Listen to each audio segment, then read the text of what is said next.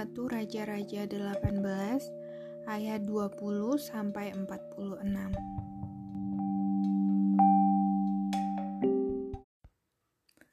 Elia di Gunung Karmel. Ahab mengirim orang ke seluruh Israel dan mengumpulkan nabi-nabi itu ke Gunung Karmel. Lalu Elia mendekati seluruh rakyat itu dan berkata, Berapa lama lagi kamu berlaku timpang dan bercabang hati?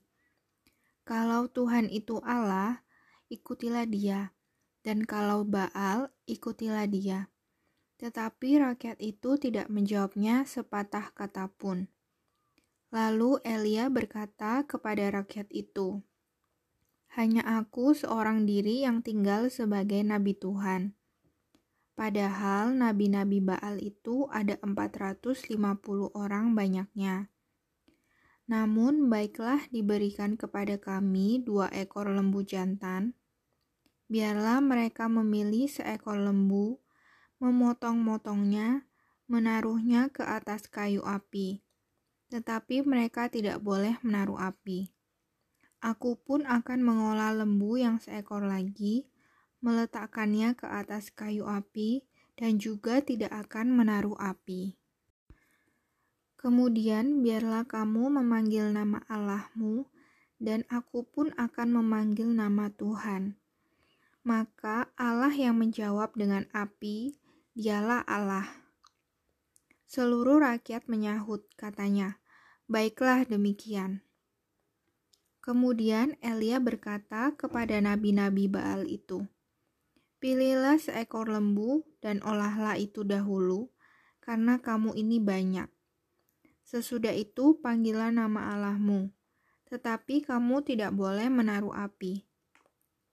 Mereka mengambil lembu yang diberikan kepada mereka, mengolahnya dan memanggil nama Baal dari pagi sampai tengah hari. Katanya, "Ya Baal, jawablah kami." Tetapi tidak ada suara, tidak ada yang menjawab. Sementara itu, mereka berjingkat-jingkat di sekeliling mesbah yang dibuat mereka. Pada waktu tengah hari, Elia mulai mengejek mereka, katanya, Panggillah lebih keras, bukankah dia Allah? Mungkin ia merenung, mungkin ada urusannya, mungkin ia bepergian, barangkali ia tidur dan belum bangun. Maka mereka memanggil lebih keras serta menoreh-noreh dirinya dengan pedang dan tombak seperti kebiasaan mereka, sehingga darah mereka bercucuran dari tubuh mereka.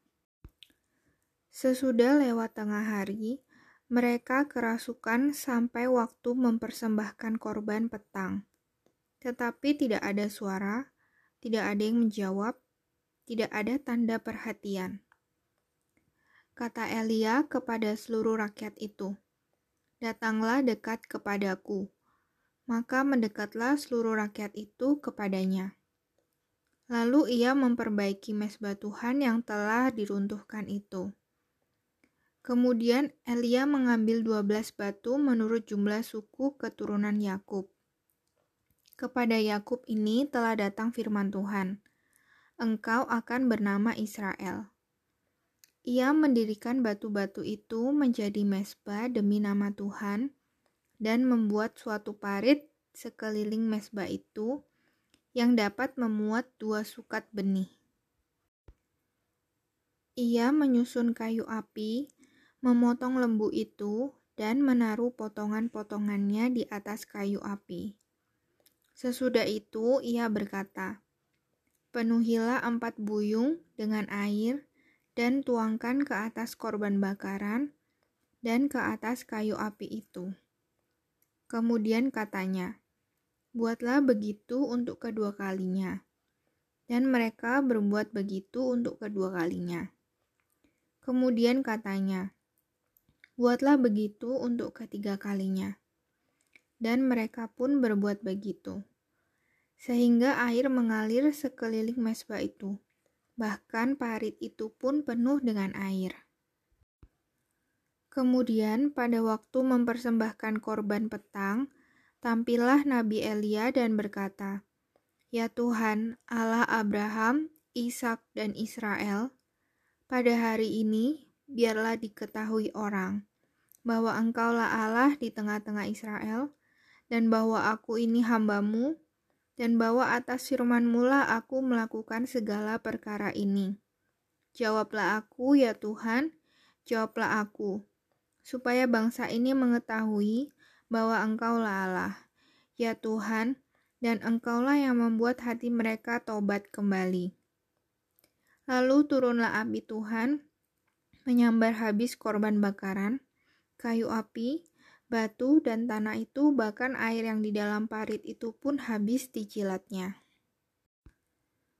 Ketika seluruh rakyat melihat kejadian itu, sujudlah mereka serta berkata, Tuhan dialah Allah, Tuhan dialah Allah. Kata Elia kepada mereka, Tangkaplah nabi-nabi Baal itu, seorang pun dari mereka tidak boleh luput. Setelah ditangkap, Elia membawa mereka ke sungai Kison dan menyembeli mereka di sana. Kemudian berkatalah Elia kepada Ahab, Pergilah, makanlah dan minumlah, sebab bunyi derai hujan sudah kedengaran. Lalu Ahab pergi untuk makan dan minum. Tetapi Elia naik ke puncak gunung Karmel. Lalu ia membungkuk ke tanah dengan mukanya di antara kedua lututnya.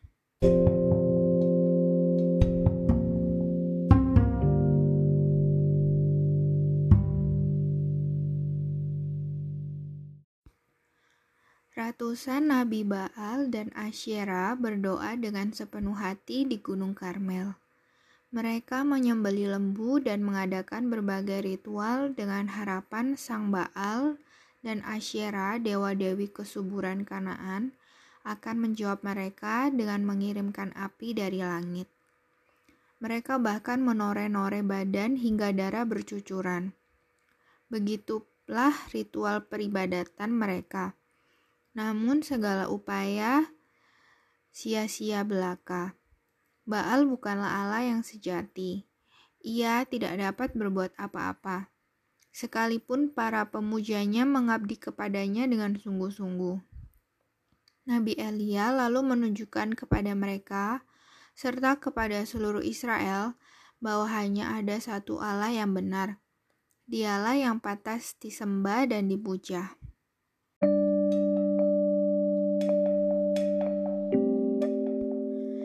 Hingga saat ini, banyak orang melakukan berbagai ritual peribadatan kepada sesuatu yang bukan Allah.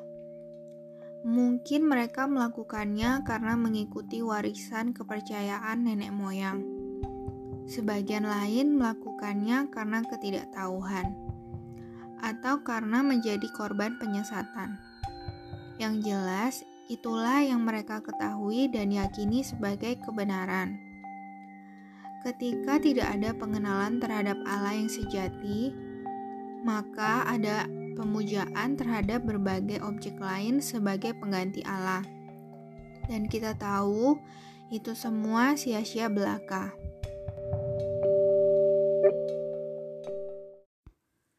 Sebagai orang-orang yang telah mengenal Allah, kita dipanggil untuk memberitakan namanya, mewartakan kasihnya melalui kata-kata, dan tindakan, agar orang lain juga dapat mengenal Allah yang sejati dan turut beribadah kepadanya setulus hati.